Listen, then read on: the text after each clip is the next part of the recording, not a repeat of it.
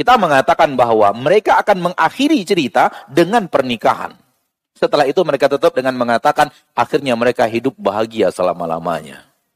Habis sampai di situ. Hal ini yang kemudian membuat banyak orang salah persepsi tentang pernikahan. Dia mengira kalau sudah akad nikah, dia akan bahagia dengan pasangannya untuk selama-lamanya. Eh, di dalam Al-Quran hadis tidak seperti itu. Di dalam di dalam Al-Quran dan hadis justru Nabi Wasallam Allah mengatakan tidak seperti itu. Lihat firman Allah di dalam Al-Quran surat Al-Baqarah ayat 170, 187. Walaupun ayat itu pada dasarnya adalah bicara tentang Ramadan.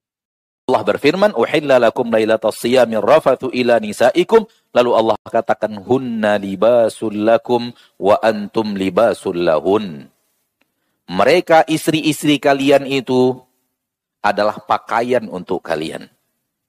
Dan kalian adalah pakaian untuk istri-istri kalian. Al-Baqarah ayat 187. Bertemu? Ya. Hunna libasul lakum wa antum libasul lahun. Istri-istri kalian itu, wahai para suami, istri-istri kalian itu adalah pakaian untuk kalian. Apa makna pakaian? Seseorang yang kalau dia dilihat orang tanpa pakaian itu akan terlihat hal-hal yang membuat dia malu. Betul? Pakaian adalah penutup aurat. Yang kalau aurat itu kelihatan, maka dia akan malu. Itulah dia fungsi istri untuk suami. Suami memiliki sesuatu dalam dirinya yang kalau diketahui orang, suami itu akan malu di depan orang ramai. Apa itu? Kekurangan. Sesuatu yang tidak disukai. Sesuatu yang dibenci oleh banyak orang. Sesuatu yang kalau orang tahu apa yang dia lakukan, apa yang dia kerjakan, yang diketahui oleh istrinya, dia akan malu bertemu orang ramai. Oleh karena itu, aib dan kesalahan manusia dalam agama kita disebut aurat. Di dalam agama kita disebut aurat, aib dan kesalahan kita itu dalam dalam agama kita disebut aurat. Allahumma stur aurati. Di dalam doa pagi dan sore, ya Allah tutuplah aurat-auratku. Tutuplah auratku. Apa makna aurat di sini? Kesalahan, kekurangan, kelemahan kita, aib dan kesalahan kita. Itu adalah aurat. Dia aurat batin, sebagaimana tubuh ini ada aurat zahir. Ada ada aurat yang zahir dalam tubuh kita yang harus kita bungkus dengan pakaian sebagaimana pakaian kita membungkus pakaian kita untuk aurat kita sekarang. Itu aurat zahir. Namun ada aurat yang dia adalah batin, yaitu aib dan kesalahan kita. Hal yang sama Allah katakan wa wa antum kalian wahai suami libasul lahun. Kalian adalah pakaian untuk istri kalian. Pahami ayat ini dengan apa yang tadi kita katakan bahwa di dalam ayat ini Allah mengingatkan kita wahai para suami istri kalian pasti punya kesalahan dan kekurangan. Istri kalian pasti punya kekeliruan. Istri kalian pasti memiliki hal-hal yang kalau diketahui orang itu yang dia lakukan, orang akan ya dia akan malu, dia akan tak tak disegani orang, dia akan dia akan hidup dengan hal yang sulit di tengah manusia. Kalau itu diketahui orang lain, maka tutupi itu. Kalian sebagai suami tutup itu. Kalianlah pakaian istri kalian agar kesalahan dan kekurangan ini tidak diketahui oleh orang lain. Yang ingin kita katakan di sini, ternyata di dalam ayat ini, dalam dunia rumah tangga, Allah mengatakan, Hai para suami, ingat ada kekurangan dan cacat pada istrimu. Hai para istri, ingat di dalam diri suamimu ada kekurangan dan cacat dan aib. Untuk apa Allah sampaikan itu? Agar kita bersiap dalam dunia rumah tangga, ini yang akan kita hadapi. Agar para suami mengetahui inilah yang Allah tabaraka wa taala takdirkan akan terjadi dalam dunia rumah tangga. Agar para istri juga menyadari bahwa ketika dia berumah tangga, ini yang akan dia temukan di dia di dunia rumah tangga itu. Dia akan menemukan aib dan dia disuruh oleh Allah menjadi pakaian bagi aib suaminya.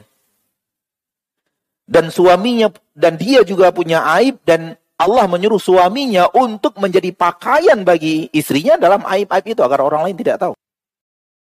Saudaraku, saudariku kaum muslimin dan muslimah, faham akan ini akan membuat seorang muslim, seorang muslimah yang akan melangkah di dunia rumah tangga atau telah melangkah di dunia rumah tangga, dia menerima, ya Allah inilah takdirmu. Ini takdir yang kau yang kau takdirkan. Hidupku di dunia rumah tangga akan dialak mengalami hal-hal yang seperti ini sehingga dia siap untuk hal tersebut. Di dalam hadis yang sahih diriwayatkan oleh Imam Muslim dari Abu Hurairah radhiyallahu taala anhu, Rasulullah SAW bersabda hal yang mirip dengan apa yang ada di dalam ayat Al-Qur'an. Tentang rumah tangga. Nabi SAW bersabda, La yafraku mu'minun mu'minatan. La yafraku mu'minun mu'minah. Seorang lelaki mukmin itu tidak akan membenci total seorang mukminah. Fa in radiya minha khuluqan apabila ada fa in kariha minha khuluqan apabila ada yang tidak dia sukai dari akhlak wanita itu Rodiya minha ukhra. Pasti ada yang lain dari akhlaknya yang dia ridhoi. La yafraku mu'minun mu'minah. Seorang mukmin tidak akan membenci total seorang mukminah kalau ada sifat wanita mukminah itu yang tidak dia sukai, yang dia benci, pasti ada yang lain yang dia ridhoi. Ada yang tidak disukai, ada juga yang dia sukai pasti. Sehingga seorang mukmin dan mu tidak akan membenci total mukminah. Seorang mukminah tidak akan membenci total mukmin. Kenapa? Ada hal yang tidak dia sukai, ingat masih ada yang dia sukai juga. Kenapa Nabi SAW mengatakan ini kepada kita? Agar kita sadar, kita akan menikah dengan seorang wanita. Wanita sadar, dia akan menikah dengan seorang lelaki. Yang dia itu tidak mungkin kita temui di dalam dirinya seluruh yang kita inginkan. Nggak mungkin. Di dalam hadis ini Nabi ingin mengingatkan, engkau menikah dengan seorang dan kau menikah dengan seorang manusia. Dan manusia itu tidak ada yang sempurna. Tidak akan terjadi di rumah tanggamu seluruh yang kamu inginkan. Dan terhindar rumah tanggamu dari seluruh yang kamu tidak inginkan. Itu tidak akan ada. Pasti ada sifat dan sikapnya yang engkau sukai. Pasti ada yang tidak engkau sukai juga. Sehingga apa? Sehingga orang yang masuk dalam dunia rumah tangga sangat sadar, inilah rumah tangga.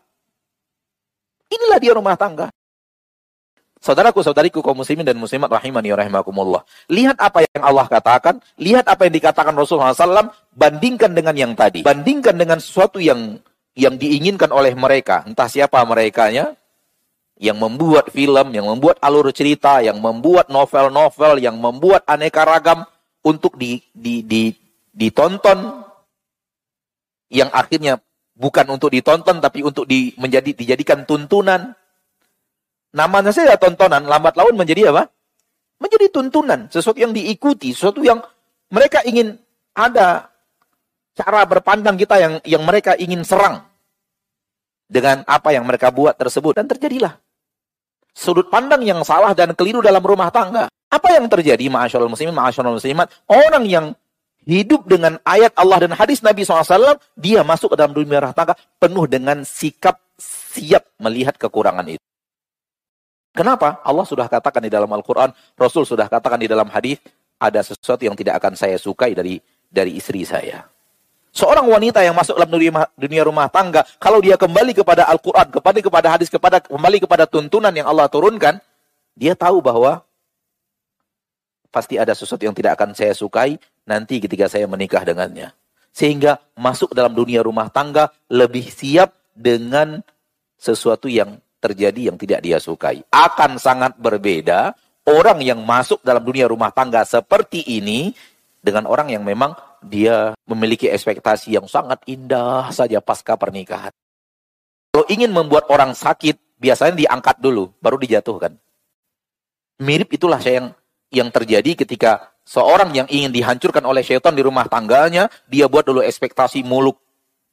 Dia buat orang beranggapan anggapan-anggapan yang manis dan itu janji-janji palsu syaitan. Ya'iduhum wa yumannihim. Mereka Setan itu memberikan janji-janji kepada manusia dan membuat kisah-kisah indah untuk menipu manusia agar untuk kemudian dia hancurkan manusia ketika tidak menemukan janji-janji indah itu.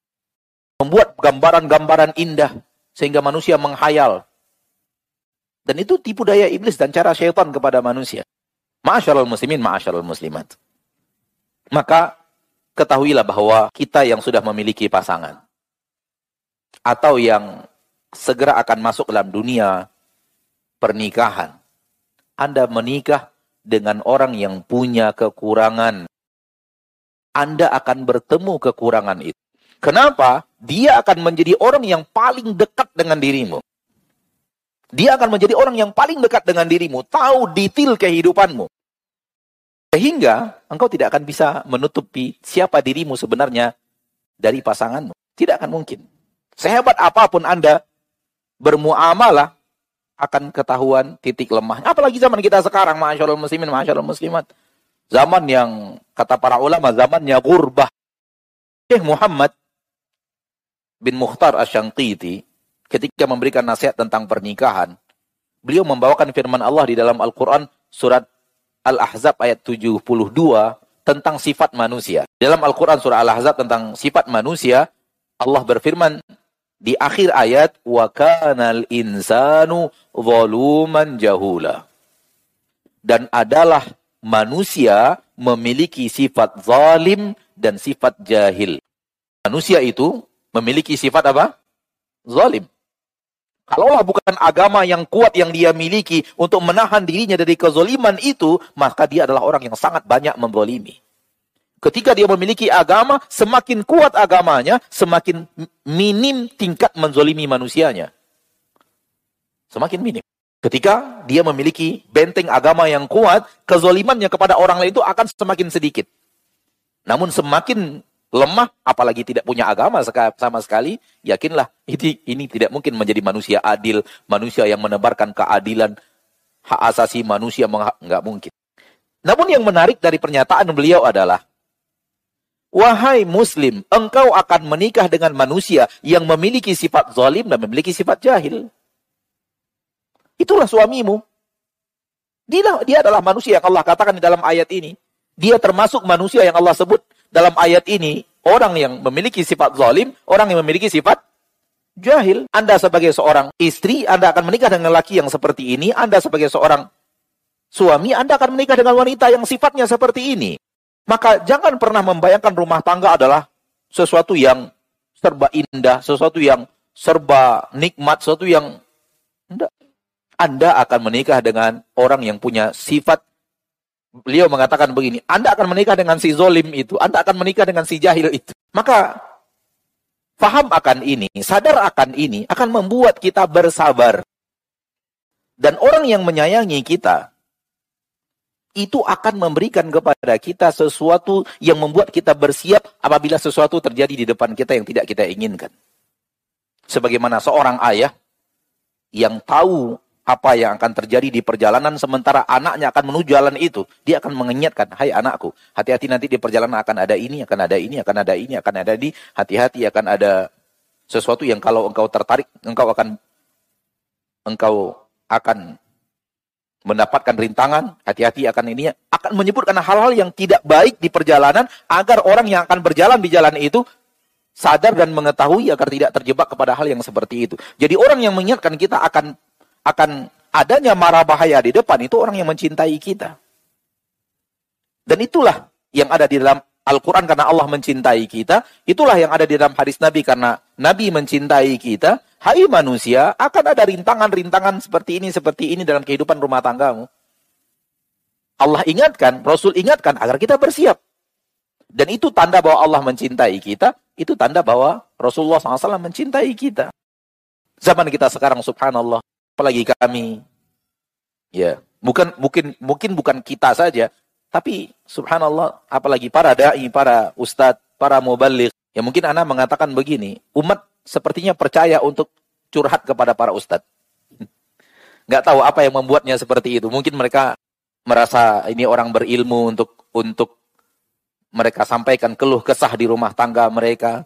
atau mereka merasakan bahwa orang ini punya ilmu untuk bisa mencarikan solusi di tengah mereka atau mereka mungkin ber, menyangka bahwa orang ini amanah untuk untuk apa namanya uh, kisah itu tidak sampai kepada orang lain gitu sehingga banyak sekali mendapat keluh kesah dari setengahnya dari suami setengahnya dari istri Sampai-sampai ada yang mengeluhkan hal yang pada dasarnya tidak perlu dikeluhkan. Ada yang datang kepada kita dengan mengatakan, Ustadz, saya gimana caranya Ustadz, solusi rumah tangga saya ini Ustadz. Ada apa Bu? Apa yang terjadi? Ini suami saya Ustadz. Kenapa? Suami ibu. Hobi sekali gonta-ganti mobil Ustadz. ya subhanallah.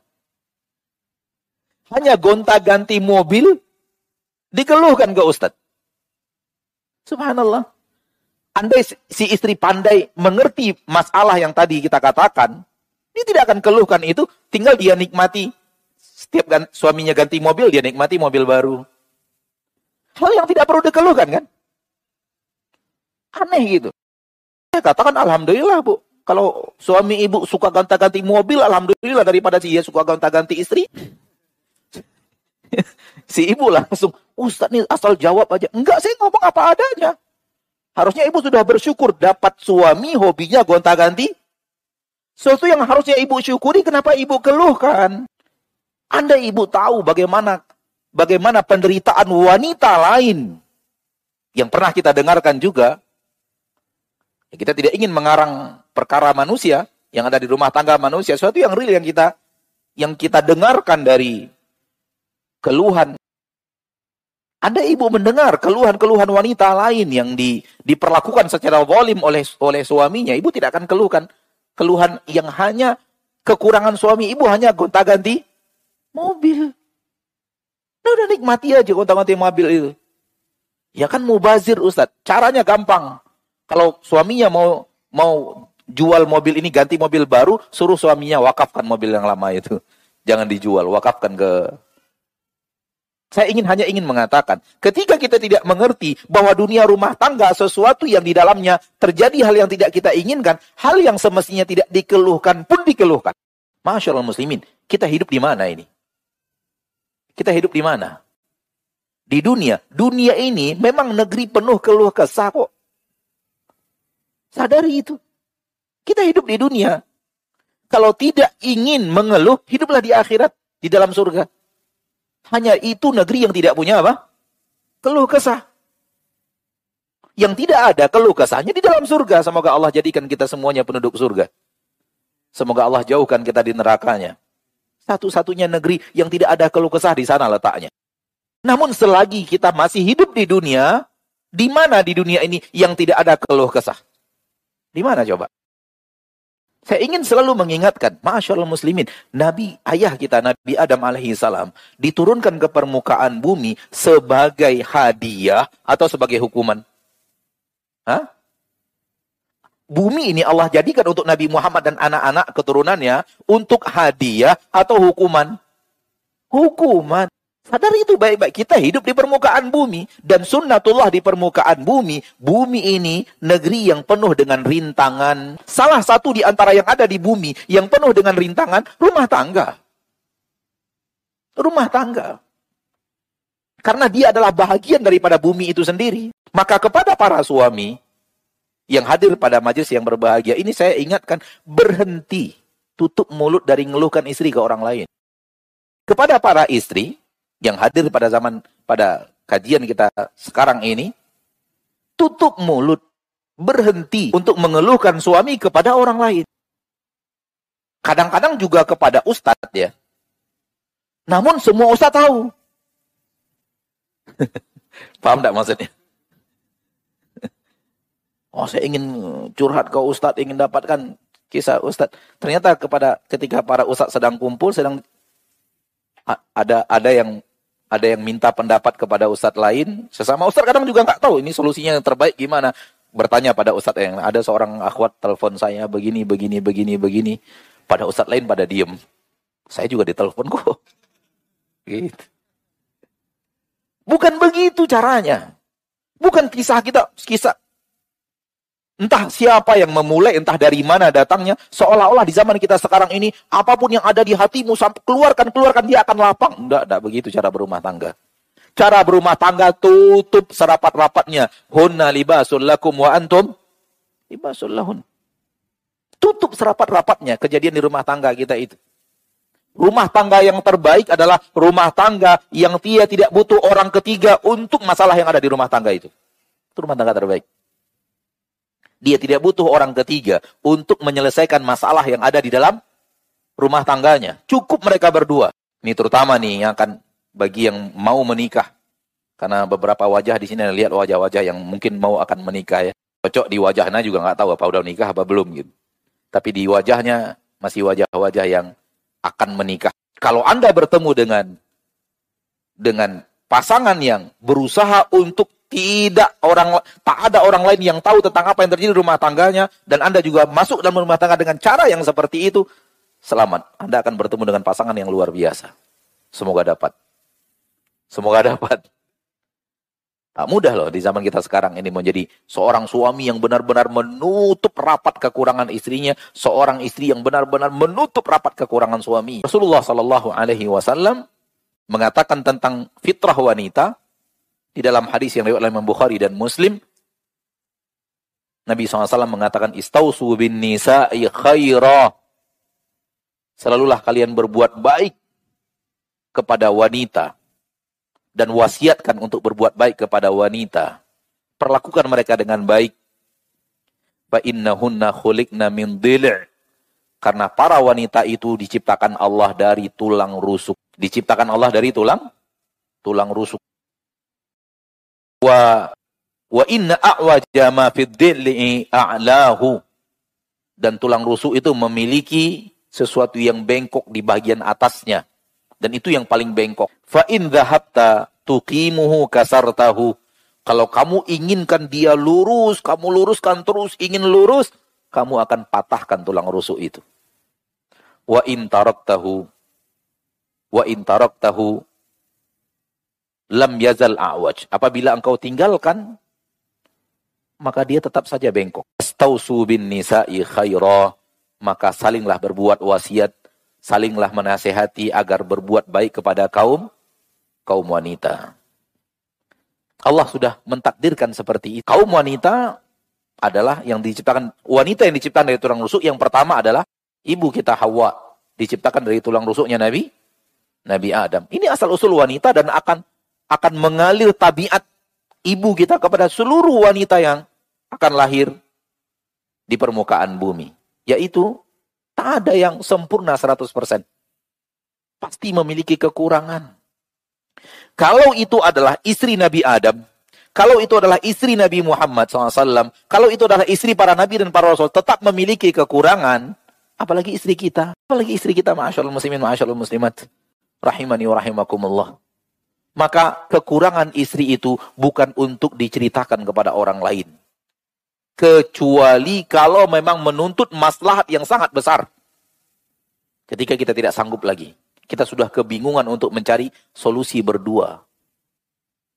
Maka ketika itu dianjurkan untuk mencari orang yang ketiga. Ketika memang berdua tidak bisa lagi menyelesaikan masalah itu. Sudah dibicarakan, sudah didiskusikan, sudah diusahakan untuk untuk mencari jalan keluar yang terbaik berdua tetap tidak bisa, sepertinya butuh orang ketiga. Dan ketika butuh orang ketiga, kata para ulama, usahakan yang pertama kali dari keluarga. Bukan dari orang lain. Bukan dari orang lain. Dari keluarga, baik keluarga suami atau keluarga istri. Masyaallah muslimin, masyaallah muslimat, rahimani rahimakumullah. Allah ta'ala menjadikan hidup kita di permukaan bumi sebagai ujian. Salah satu ujian itu adalah suami dan istri. Wa ja'alna ba'dakum li ba'din fitnatan atasbirun. Dan Allah tabaraka wa taala menjadikan sebahagian kalian adalah fitnah dan ujian untuk sebahagian yang lainnya atas birun. Apakah kalian bisa untuk berbuat sabar? Ini Allah firmankan di dalam Al-Quran, surah Al-Furqan ayat 20. Wa ja'alna ba'dakum li ba'din fitnatan kami jadikan sebahagian kalian untuk sebagian yang lain ujian atas birun. Allah melihat apakah kalian bisa untuk bersabar atau tidak. manusia dengan manusia lain. Salah satu di antara manusia dengan manusia lain adalah suami dan istri. Apatah lagi. Apabila kita masuk ke dalam dunia rumah tangga sesuai dengan syariat.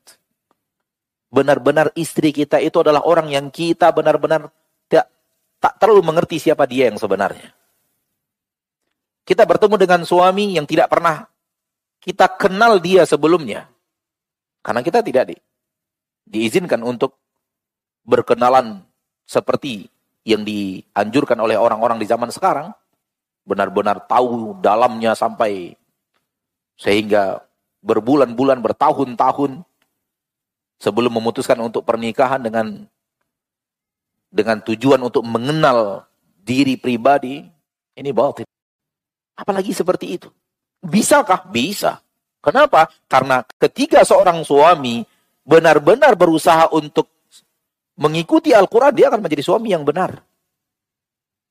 Ketika istri benar-benar ikut kembali kepada Al-Quran dan hadis, dia akan menjadi istri yang benar. Bertemulah suami yang benar dengan istri yang benar. Urusan mereka akan selesai. Kelar dalam dunia rumah tangga mereka. Kalau ada yang baik, dia syukuri. Kalau ada yang kurang, dia bersabar. Karena ternyata syukur dan sabar itu berlaku untuk seluruh alam semesta ini, dunia ini dan apa pun yang termasuk dunia rumah tangga. Di dunia rumah tangga juga sangat dibutuhkan syukur dan sangat dibutuhkan sabar. Itulah yang dikatakan Nabi tadi.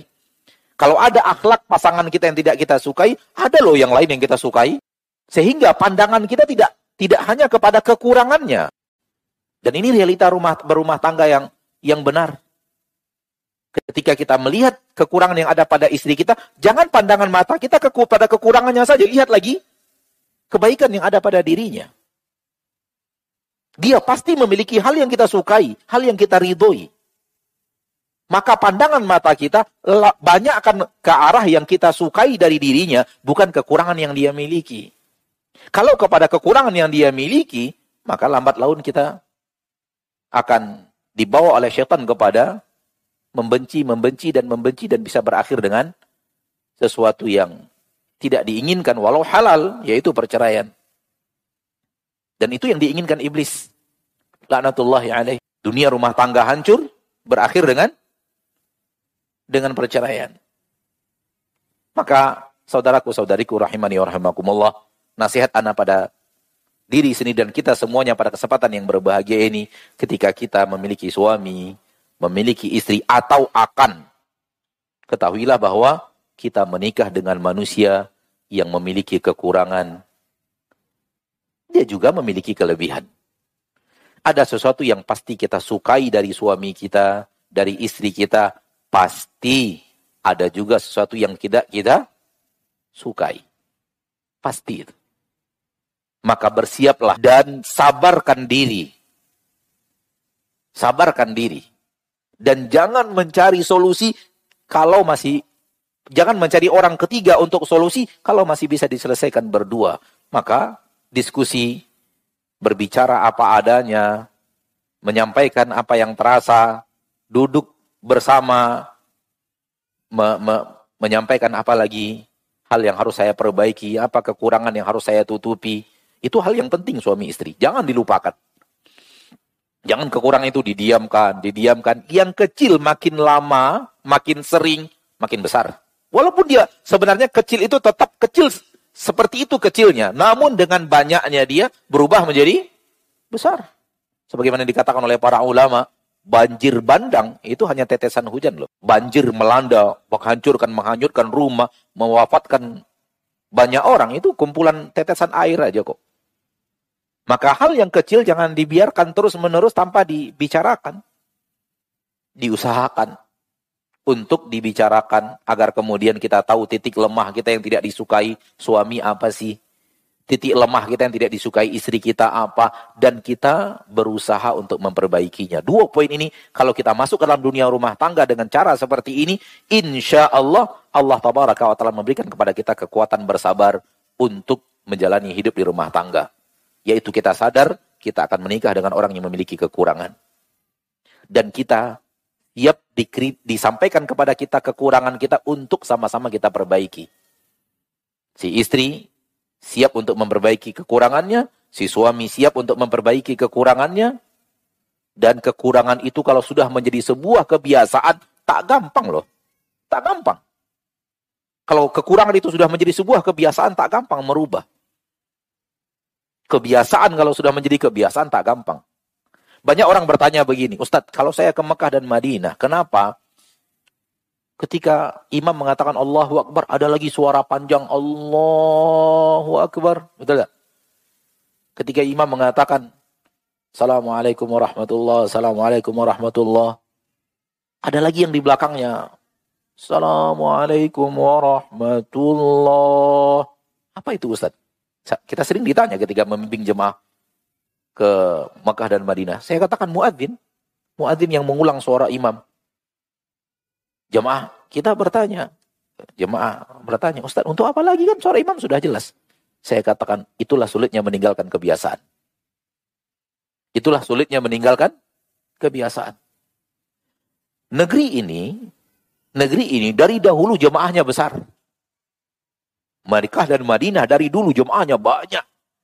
Dan di zaman belum ada mikrofon seperti yang yang yang ada sekarang, mereka pasti bertahun-tahun, berpuluh-puluh tahun atau mungkin beratus-ratus tahun mereka perlu suara muadzin yang kedua lebih lantang untuk menyampaikan suara mereka ke suara imam ke belakang. Dan itu berjalan puluhan tahun, ratusan tahun sehingga menjadi kebiasaan di negeri itu. Sehingga ketika Allah mudahkan teknologi mikrofon, kebiasaan itu tetap dipertahankan. Enggak perlu lagi sebenarnya. Secara syariat sudah tidak diperlukan lagi suara muadzin. Tetapi di situlah letaknya sulit merubah apa? Merubah kebiasaan. Mereka sudah ratusan tahun adanya suara itu. Hal yang sama. Kita kembali kepada diri kita. Kalau kita memiliki kekurangan yang sudah rutin kita lakukan kekurangan itu, maka bukan hal yang mudah untuk untuk meninggalkannya. Akan tetapi harus ada semangat, harus ada usaha untuk melakukan perubahan. Minimal untuk mengurangi dan tidak bertahan seperti itu. Jangan ini suami mengatakan kepada istrinya, ini kebiasaan saya, saya tidak bisa berubah. Ini enggak, enggak benar. Istri bilang kepada suaminya, enggak bisa mas, ini itulah saya apa adanya. Kamu harus terima saya apa adanya dengan kekurangan. Bukan begitu juga. Bukan begitu juga. Ini kaidah yang salah lagi. Ketika ia mengatakan kepada kepada kepada suaminya bahwa saya itulah saya apa adanya. Kamu harus harus siap dengan kekurangan saya. Enggak begitu juga. Karena adanya suami dan istri ada untuk saling bergandengan tangan menuju arah yang lebih baik. Saling berusaha untuk menuju arah yang lebih baik. Hati-hati. Karena yang hal yang sama apabila berlanjut terus berlanjut terus dia akan semakin besar. Kecuali seorang suami pandai berhadapan dengan menata hatinya, menata kesabarannya untuk berhadapan dengan hal yang seperti itu. Masyaallah muslimin, masyaallah muslimat rahimani wa rahimakumullah. Maka ini dia yang ingin kita sampaikan pada kesempatan yang berbahagia ini. Di dalam Al-Quran, di dalam hadis Nabi SAW, Nabi mengingatkan kita akan hal yang seperti itu. Dengan kekurangan yang ada, Rasul tetap menyuruh kita sebagai suami menjadi suami yang paling memberikan kebaikan kita kepada istri dan anak-anak kita. Itu bersamaan dengan kita menemukan kekurangan-kekurangan yang ada padanya. Nabi tetap menyuruh para suami, jadilah manusia terbaik kepada istri dan anak-anakmu. Dalam hadis yang sahih, diriwayatkan oleh Imam At-Tirmidzi, ya, khairukum khairukum li ahlihi wa ana khairukum li ahli. Sebaik-baik kalian wahai para laki-laki yang terbaik kepada istrinya dan anak-anaknya. Siapa istri tadi? Istri yang ada kekurangan tadi. Istri kita adalah wanita yang kita nikahi dan kita melihat kekurangan yang ada padanya. Sebaik-baik kalian adalah yang terbaik kepada mereka. Ini penilaian agama Islam tentang lelaki yang terbaik. Bukan ketika dia memimpin negara, tidak juga ketika dia memimpin perusahaan besar, tidak juga ketika dia memiliki harta yang melimpah ruah sebagai seorang miliarder yang sulit untuk dikejar tingkat kekayaannya, itu bukan bukan kacamata kesuksesan dalam syariat Islam. Itu semu.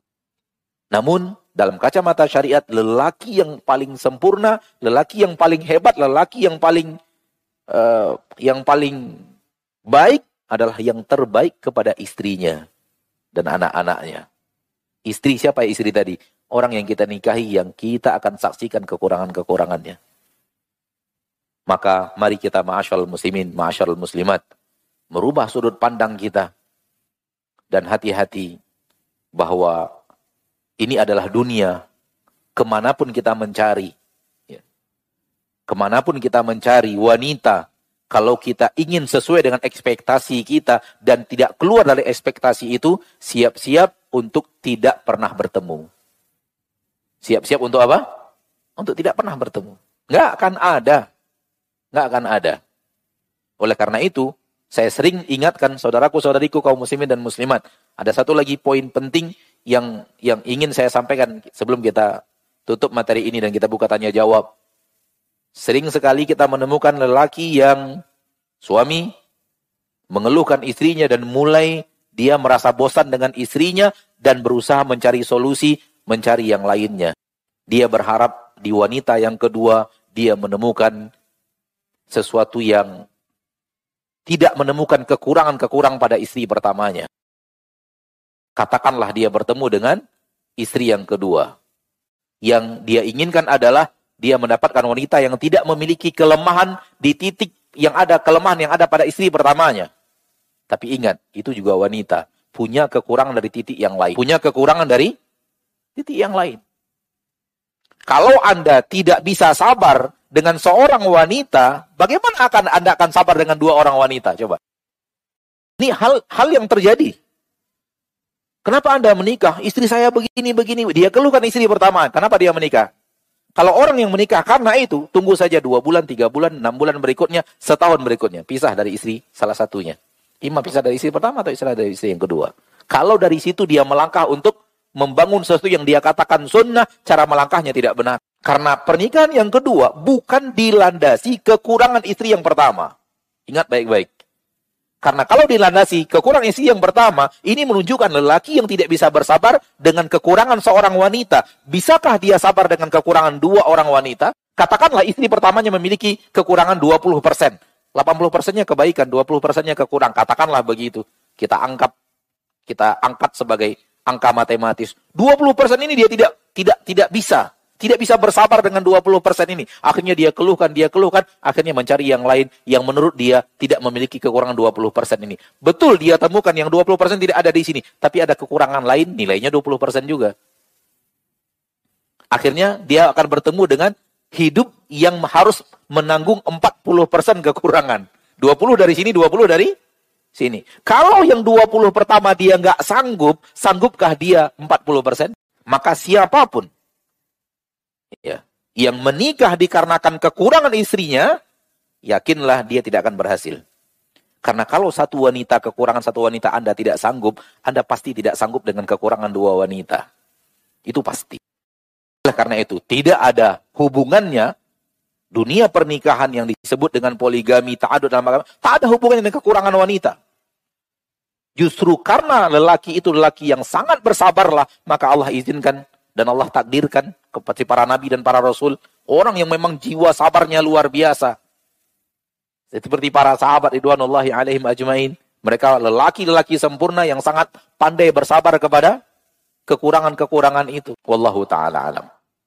Masyarul muslimin, masyarul muslimat, ingat Allah tabaraka wa taala menjadikan istri Anda adalah yang disuruh oleh Allah, disuruh oleh Nabi kita untuk berbuat baik kepadanya. Di antara kebaikan yang harus kita lakukan adalah sabar dengan kekurangannya dan selalu memberikan perhatian kebaikan kepadanya. Demikian juga seorang wanita, suamimu adalah orang yang sangat diperintahkan Allah dan Rasulnya untuk Anda taati. Dia adalah pemimpin rumah tanggamu dan dia juga pasti memiliki kekurangan Rasulullah SAW bersabda, Kullu bani Adam, khata seluruh bani Adam adalah orang yang bersalah. Di antara bani Adam itu adalah dia yang dia adalah suamimu. Dia yang dia adalah istrimu. Pasti bersalah.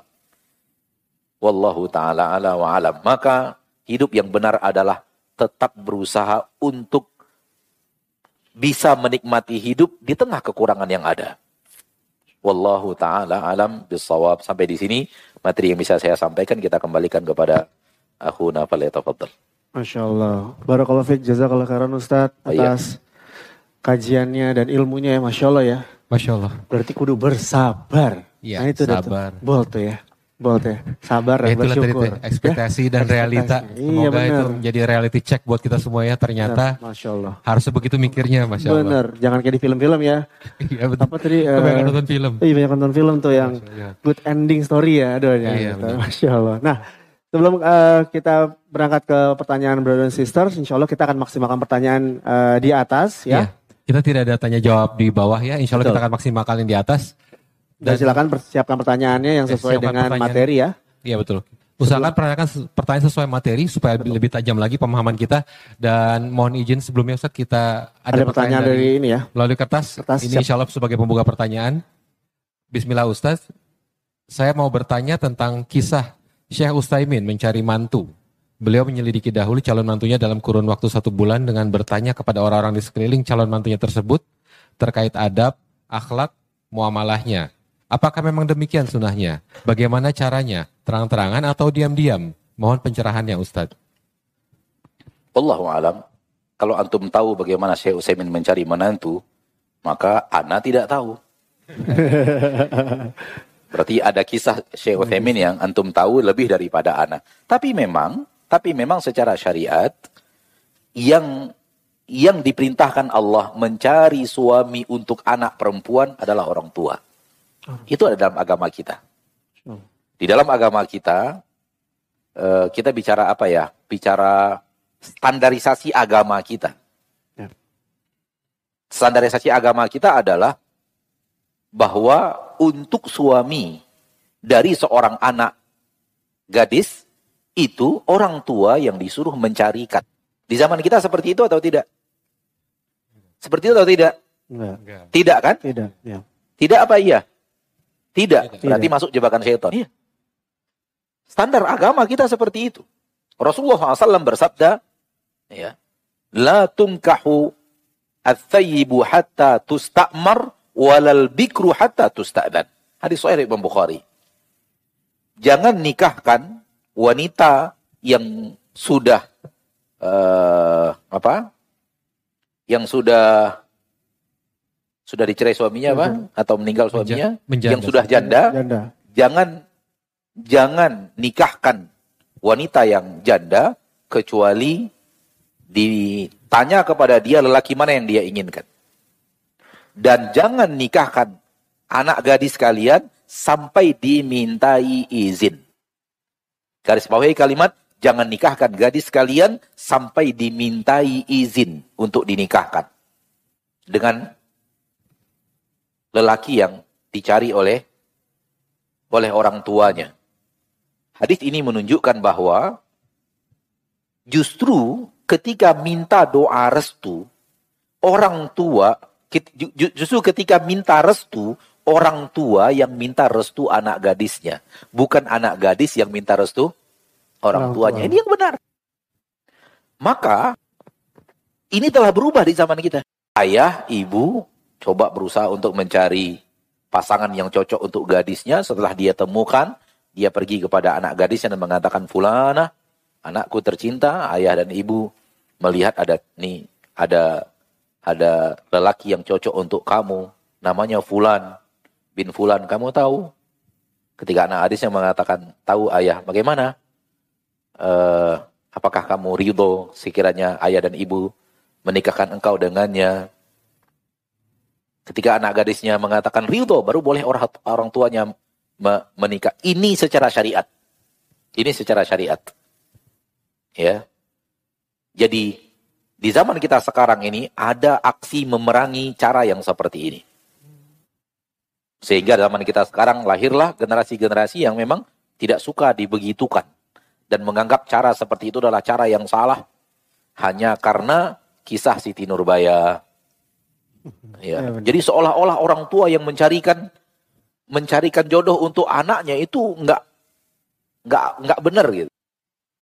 Beraneka ragam, tulisan beraneka ragam, cara untuk mereka masuk ke dalam dunia umat Islam untuk merubah cara ini. Akhirnya yang terjadi adalah anak gadis mereka mencari sendiri. Tidak akan anak gadis lebih pandai mencari pasangan dibanding orang tuanya. Tak akan. Pengalaman hidup berbeda.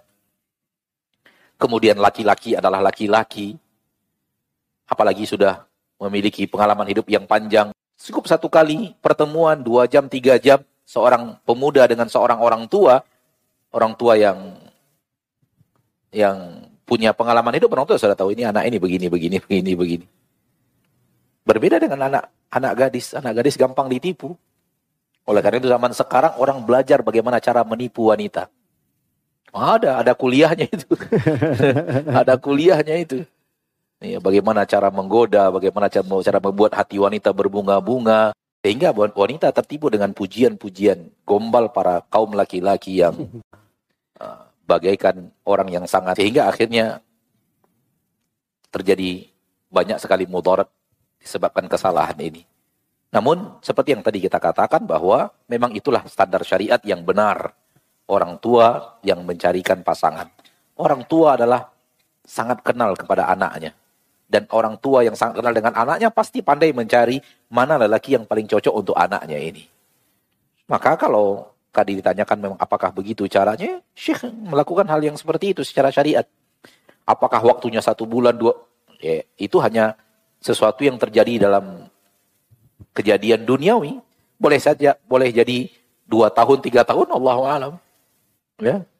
Atau boleh mengincar dari awal ketika kita punya anak gadis, lihat wah ini saya incar ini saya akan lihat saya akan lihat budi pekertinya selama setahun ini misalnya bisa aja wallahu taala intinya itu jalan yang apabila kita baca syariat itu yang ada dalam agama kita wallahu alam Masya Allah. Masya Allah. Baru tahu ilmu baru lagi ya. Iya, Jadi ternyata yang jodoh-jodohan itu ya. Iya, tugasnya Bapak ternyata Tugasnya ada loh Bapak ya. tuh berarti.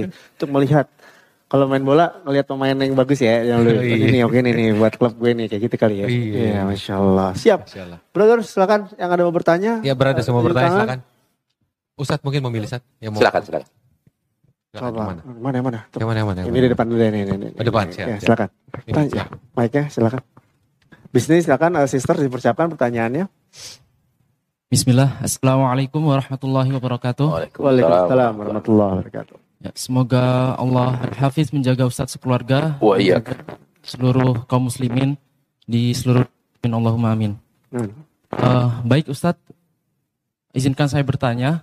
Kalau tidak salah saya pernah mendengar eh, riwayat dari dan ini dikatakan oleh Imam Ahmad bin Hanbal uh, rahimahullah taala ber- beliau berkata eh, terkait dengan istrinya yakni kami tidak kami hidup bersama selama 20 tahun dan kami tidak pernah berselisih meskipun hanya satu kalimat seperti itu Ustaz. Eh, pertanyaannya adalah yang pertama apakah kami sebagai orang awam yang eh, tidak sesoleh beliau, tidak saat beliau rahimahullah mengharapkan eh, rumah tangga yang seperti itu yang tidak pernah berselisih eh, yang juga tidak pernah bertengkar seperti Ustadz, apakah realistis untuk kita memiliki harapan seperti itu, meminta dan berdoa kepada Allah Taala. Kemudian yang kedua, eh, apakah ada makna dari- apakah ada makna tersendiri dari perkataan Imam Ahmad bin Hambal ini yang mungkin kami sebagai orang awam belum Ya. karena sebagaimana Ustadz jelaskan tadi dunia pernikahan ujian eh, yang telah Allah Taala jelaskan juga dalam Al-Quran dan juga eh, jelaskan dalam saja eh, kekurangan jazakumullah khairan wallahu fikum. Warahmatullahi wabarakatuh sebelum sebelum anda tutup anak bertanya udah nikah belum alhamdulillah Ustaz oh ya udah Alhamdulillah. Ya. Ya, terima kasih. Silakan Ustaz. baik Ya. Eh, cuman realitanya tak seperti Imam Ahmad begitu gitu kan ya pastilah gitu Anda juga sama nggak seperti Imam Ahmad juga Istri Imam Ahmad adalah manusia. Pasti memiliki kekurangan. Dan Imam Ahmad juga adalah manusia, pasti memiliki hal-hal yang tidak diinginkan oleh istrinya. Namun kesabaran masing-masing membuat mereka tidak pernah bertengkar. Kesabaran masing-masing tentang rintangan-rintangan itu membuat mereka tidak pernah bertengkar. Bukan tidak punya kekurangan. Tetapi kepandaian masing-masing berhadapan dengan sesuatu yang tidak dia sukai dari pasangannya. Imam Ahmad sangat sibuk. Seorang istri yang suaminya sangat sibuk, butuh sabar ketika suaminya jarang di rumah. Imam Ahmad sekali safar mencari ilmu hadis berapa lama? Seorang istri yang ditinggal berbulan-bulan oleh suaminya butuh apa? Butuh kesabaran. Jadi bukan tidak ada kekurangan, bukan tidak ada sesuatu yang tidak disukai, bukan. Tak ada tak ada yang seperti itu. Tak ada yang seperti itu. Akan tetapi karena memang masing-masing memiliki uh, kemampuan bersabar sehingga tidak terjadi yang namanya pertengkaran dan keributan. Dan ini yang disebut dengan perselisihan. Bisa orang tidak berselisih. Dalam 10 tahun berumah tangga tidak pernah berselisih. Bukan tidak terjadi hal yang tidak diinginkan. Ada sesuatu yang tidak diinginkan. Namun sifat sabar mereka yang membuat mereka tidak tidak berselisih untuk itu. Pandainya mereka berdiskusi. Pandainya mencari solusi. Rasulullah SAW, istrinya pernah dituding selingkuh. Ya. selingkuh. Aisyah radhiyallahu anha wa ardoha. Tapi lihat bagaimana Rasul menyelesaikan permasalahan itu. Sekian puluh hari lamanya, Rasulullah masih bertanya baik-baik kepada istrinya, wahai Aisyah, apakah benar kisah itu? Apakah benar kisah itu? Ada orang sampai kepada kita berita begini, begini, begini. Rasul bertanya baik-baik. Dan ini salah satu hal yang sangat penting untuk kita tegakkan di rumah tangga kita. Sebagai seorang suami, sebagai seorang istri. Ketika dapat berita, tanya dulu baik-baik. Kadang-kadang ya, kadang-kadang ya kita sebagai seorang suami, sebagai seorang istri, salah langkah. Ketika dengar sesuatu yang tidak baik, pulang-pulang langsung mencak-mencak. Mencak-mencak itu efek dari berita yang benar. Kalau beritanya sudah benar, mencak bolehlah. Kadang-kadang beritanya kan nggak benar. Banyak sekali terjadi di rumah tangga, belum lagi masalah itu dibicarakan baik-baik, sudah ada sudah ada aksi marah, sudah ada aksi membentak, sudah ada aksi naik pitam dan semua. Ya, tanya dulu baik-baik. Tanya dulu apakah memang seperti itu. Kenapa sih? Apa maksudnya? Kenapa begini kejadiannya? Kalau salah, baru kemudian kalau butuh marah, dimarahi. Tapi kalau seandainya belum nyata kesalahannya, ditanya dulu baik-baik. Seperti yang dilakukan Nabi SAW. Ya. Aisyah telah mengatakan saya tidak. Namun, wahyu belum diturunkan Allah subhanahu wa ta'ala. Sampai turunnya wahyu. Itu, itu artinya bahwa tidak mungkin tidak ada masalah. Tidak mungkin tidak ada hal yang membutuhkan kesabaran. Namun kepiawaian masing-masing dalam bersabarlah yang membuat perjalanan itu langgeng. Semoga antum dan istri bisa mengamalkan ini. Dan amin. saya juga. Amin. Amin. Amin. Ya Rabbal Alamin. Amin. Ya Masya Allah. Berarti harus tetap ya jawabannya. Ya. Sabar. Sabar. Ya. Masya Allah. Masya Allah. Untuk sister silakan. Sister silakan. Pertanyaannya. Langsung ke pertanyaan. Silakan sisters. Bismillah, Assalamualaikum Ustadz. Waalaikumsalam. Izin membacakan pertanyaan titipan ya Ustadz. Baik. Assalamualaikum warahmatullahi wabarakatuh. Afwan Ustadz izin bertanya. Apa definisi sesungguhnya tentang laki-laki baik untuk wanita baik dan laki-laki buruk untuk untuk untuk wanita buruk mungkin ya sambungannya ya. Apa apa tadi pertanyaannya di awal? Bagaimana Ustadz untuk apa definisi? Kenapa? Definisi, definisi laki-laki baik atau ya. wanita baik.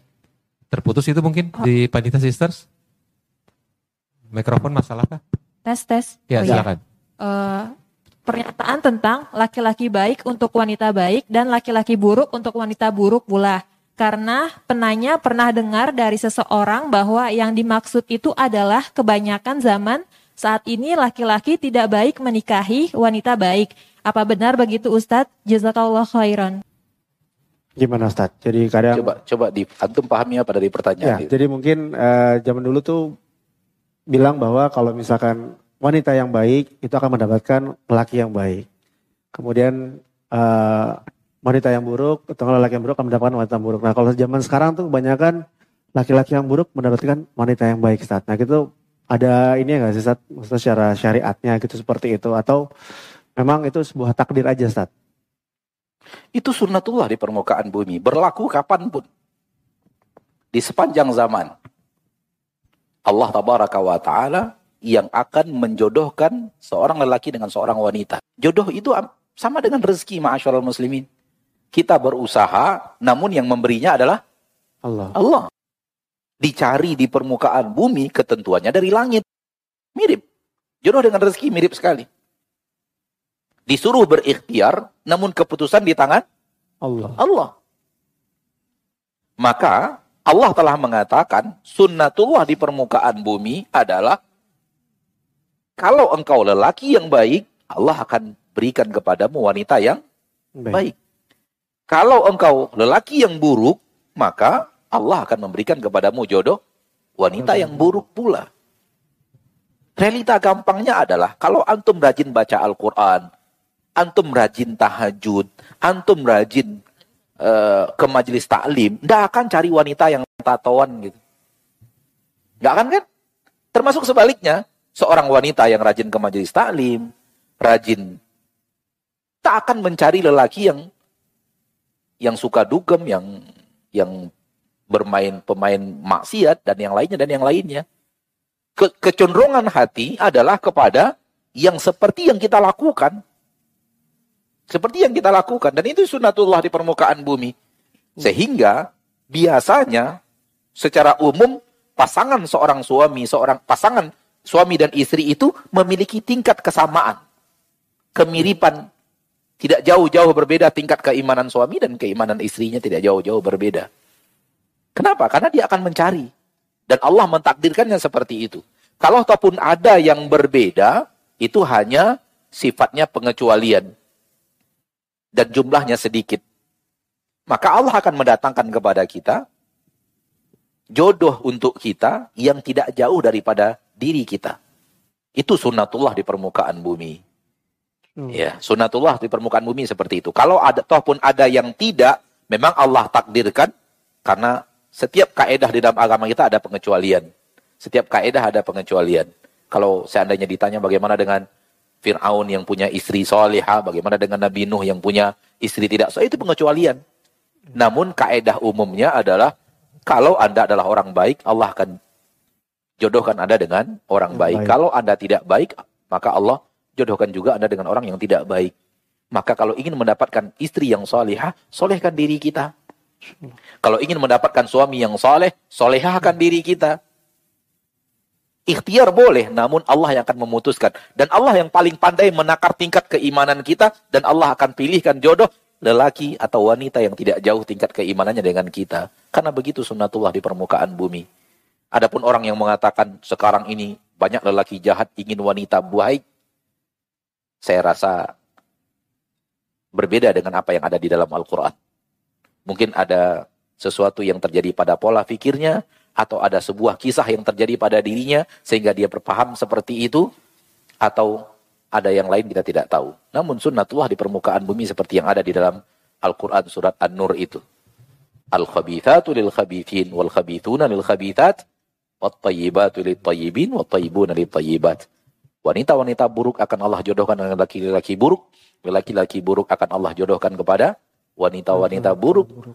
Dan wanita-wanita baik akan Allah jodohkan dengan laki-laki baik. Lelaki baik akan Allah jodohkan dengan wanita yang baik. Wallahu a'lam. Nah. Masya Allah. Cukup jelas ya semoga sisters ya. Ya. Dan ya. brothers lagi silakan. Brothers. Nah itu duluan tuh. Mana tuh? Pengen oh, jaket. Mau mau menikah mungkin. Oh, iya. Butuh pertanyaan. Jaketnya soalnya ada uh, Mike bisa silakan. Ya. Sporty, jaket sporty. Silakan. Jaket sporty yang warna kuning hijau. Ya, silakan.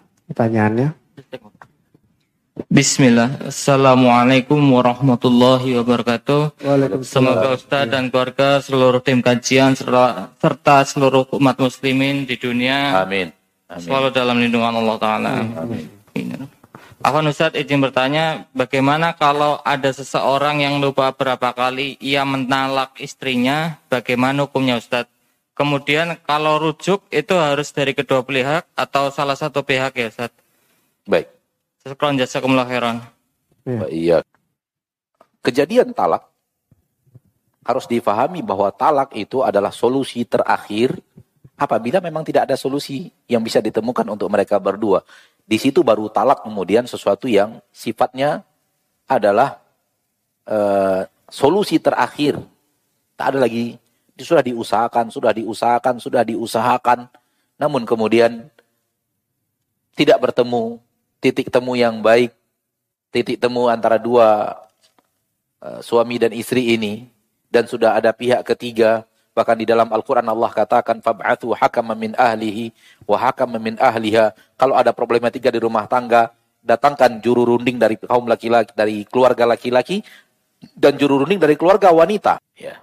Ketika itu memang terjadi, maka talak dalam hal ini bukanlah sesuatu yang aib bagi seorang untuk mentalak.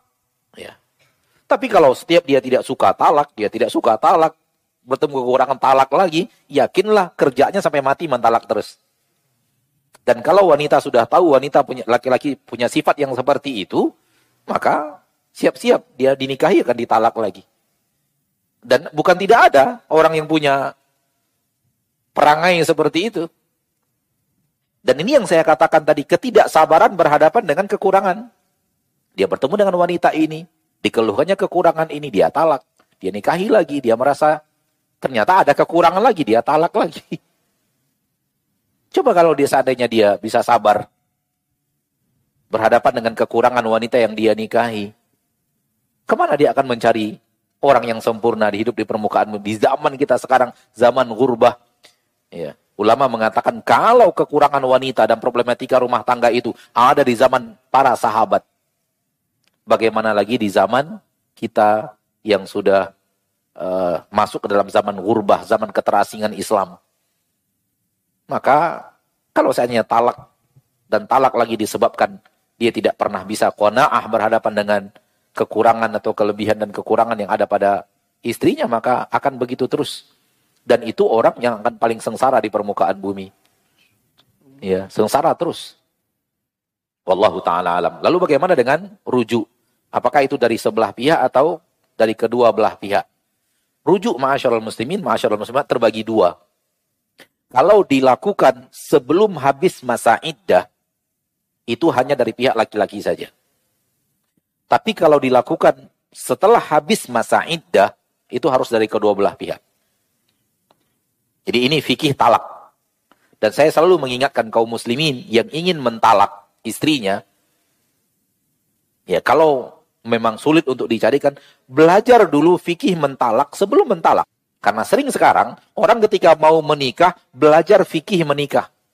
Ketika ingin mentalak, nggak belajar fikih mentalak. Padahal talak dan nikah sama. Sama dari sisi apa? Satunya menyambung, Satunya memutuskan. Bil tu nikahaha menyambung. Anti talik, kamu wanita yang saya talak memutuskan. Fikih menyambung, fikih memutuskan. Harus ada fikihnya ketika akan melakukannya. Sehingga kalau tidak dilaku, tidak ada fikihnya, bisa jadi talaknya itu talak yang salah. Dan ketika dia melakukan talak yang salah, dia didenda dalam syariat. Yaitu diwajibkan merujuk dan dihitung talak. Maka siapa pun laki-laki yang akan suami yang akan mentalak istrinya, dia harus mengerti fikih mentalak. Dia harus belajar jangan sampai melakukan talak tanpa mengerti ilmunya. Ya. Ketika lelaki mau merujuk, apakah dari pihak dia saja rujuk itu atau dari pihak istrinya tergantung keadaan waktu. Apabila sudah apabila masa iddahnya belum habis, maka pada waktu itu hanya laki-laki yang berperan. Wanita tidak bisa mengatakan, saya tidak mau. Tidak boleh secara syariat. Dia melanggar aturan fikih syariat dalam agama kita. Dalam fikih rumah tangga, fikih muasyarah. Tapi kalau sudah habis masa iddah, sudah habis masa iddah, maka tidak ada kebolehan laki-laki memaksa istrinya harus mau dirujuk. Nggak ada. Kalau istrinya mau menerima nikah itu dia bisa rujuk, kalau enggak, enggak. Kalau dia seandainya mentalaknya atau merujuknya setelah habis masa iddah, itu pakai akad baru. Pakai mahar baru.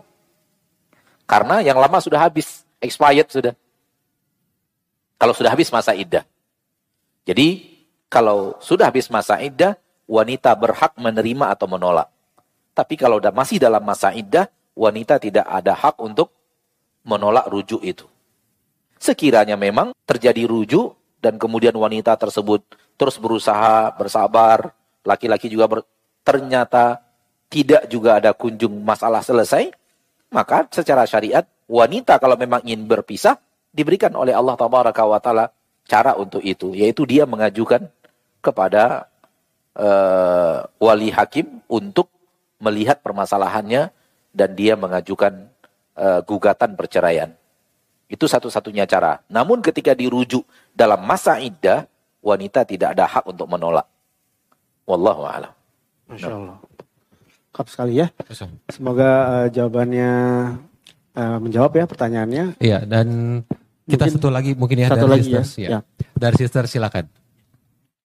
Assalamualaikum warahmatullahi wabarakatuh. Ustadz, izin bertanya, eh, bagaimana sikap kita sebagai ahwat yang masih sendiri dan sedang menunggu jodoh terbaik dari Allah, menanggapi ikhwan yang mengaku single namun qadarullah sudah menikah dan memiliki anak. Qadarullahnya ikhwan ini sudah mengaji dan paham ilmu agama. Eh, pertanyaannya, bagaimana kiat eh, untuk memborder diri dari ikhwan yang seperti itu? Mohon nasihatnya Ustadz, jazakallah khairan. Nah, ya. Status palsu berarti Ustaz. Eh, kedustaan, Kedustaan. manipulasi. Manipulasi benar. Iya. Itu sudah bentuk dia menunjukkan kepada kita akhlak yang tidak baik. Kalau bertemu dengannya, saran saya jangan terima. Langsung putuskan komunikasi ketika itu juga. Karena sudah menunjukkan etikat yang tidak baik. Tidak jujur. Salah satu sifat yang sangat dibenci dalam rumah tangga adalah dusta. Belum mulai apa-apa lagi dengan kita baru mulai kenal saja dia sudah berdusta, apa yang akan terjadi apabila dia sudah menguasai kita se- seutuhnya menurut dia? Belum dikuasai saja sudah, sudah ditipu, ya. Dan tak mungkin orang seperti ini adalah orang yang yang apa namanya multazim secara syariat. Boleh jadi bentuk bentuk casingnya memang casing orang yang ikut sunnah, tapi dalamnya nggak sunnah. Kerjaan dia menipu wanita dengan cara yang seperti ini menunjukkan dia tidak mengamalkan ilmu yang dia pelajari. Coba saya tantang, siapa di antara antum yang pernah dengarkan Ustadz membolehkan cara yang seperti ini? Boleh menipu wanita, mengatakan diri kita single, padahal sudah punya istri, punya anak, mungkin punya cucu. mungkin punya cucu, tapi ngaku ke orang masih single. Syariat mana yang membolehkan? Ustadz mana yang pernah membolehkan? Nggak ada. Berarti kalau ataupun dia orang rajin ngaji, berarti tidak mengamalkan ilmunya. Bagaimana cara kita untuk membentengi diri kita? Ya gimana? Ketika kita di, dilamar oleh seorang laki-laki, kita juga diizinkan untuk mencari tahu laki-laki ini siapa. Laki-laki ini siapa? Wallahu ta'ala alam. Itu yang bisa saya jawab. Masya Allah. Syukur Ustaz. Eh, atas Semoga Allah jawabannya. lindungi juga ya semua saudara-saudari kita, kita juga semua semoga Benar. dan keluarga-keluarga kita Allah juga semua. Dan diberikan jodoh yang sesuai buat kita Iya. ya. Insya Allah. Insya Yang Allah. terbaik dari Allah. Yang terbaik dari Allah. Dan Bukan hanya diberikan jodoh, diberikan perbaikan dalam berhadapan dengan jodoh itu. Masya Allah. Eh, iya, Lengkap tidak ya, hanya diberikan jodoh, yang yang sudah ada ini sekarang gimana? Ya, iya benar-benar. Ya, benar, benar, benar, benar. Diperbaiki. Diperbaiki Amin. Iya kan? Amin, Kualitas kualitas bermuamalah dengan jodoh itu diperbaiki. Masya Allah. Harus dijaga wa ashiruhun nabil ma'ruf.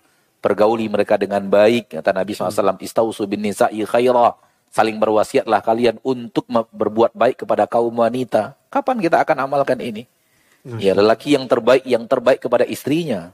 Kapan kita akan mencari, berusaha menjadi laki terbaik di antara orang-orang yang ada di sekitar kita? Wallahu alam. Jadi tidak hanya diberikan jodoh ya. Ya, Ini kalau diberikan jodoh larinya ke satu sisi pemahaman. Ini yang ada ini bagaimana cara memperbaikinya? Benar, benar, Iya. benar, Ketika, ketika kita berbicara tadi, kita tidak berbicara kepada orang yang sedang mencari jodoh saja loh. Ya. Kita juga berbicara kepada kita yang sudah memiliki Iya. Jodoh. jodoh dan pasangan. Masya Perbaiki itu. harus diperbaiki dari kita masing-masing ya. Iya. Terima kasih Ustaz atas nasihatnya buat ki- eh, kami and Sisters dan insya Allah eh, pekan depan kita ketemu lagi di sini Ustaz ya di Bismillah. Ramadian ya. Insya Allah, Mudah-mudahan insya Allah akan ada Ustaz Maudidi lagi pembahasannya akan ada apa tungguin aja nanti. Iya, tunggu insya aja. Tunggu aja ya. Dan terima kasih eh, Brothers and Sisters. Eh, kita tutup kajian kita malam ini karena waktu pun sudah sudah malam dengan Iya. doa Dengan doa terbaik. kafaratul majelis. Subhanakallah wa bihamdika asyhadu an la ilaha illa anta astaghfiruka wa atubu ilaik. Sallallahu alaihi Muhammad. Assalamualaikum warahmatullahi wabarakatuh. Waalaikumsalam warahmatullahi Hati-hati di jalan.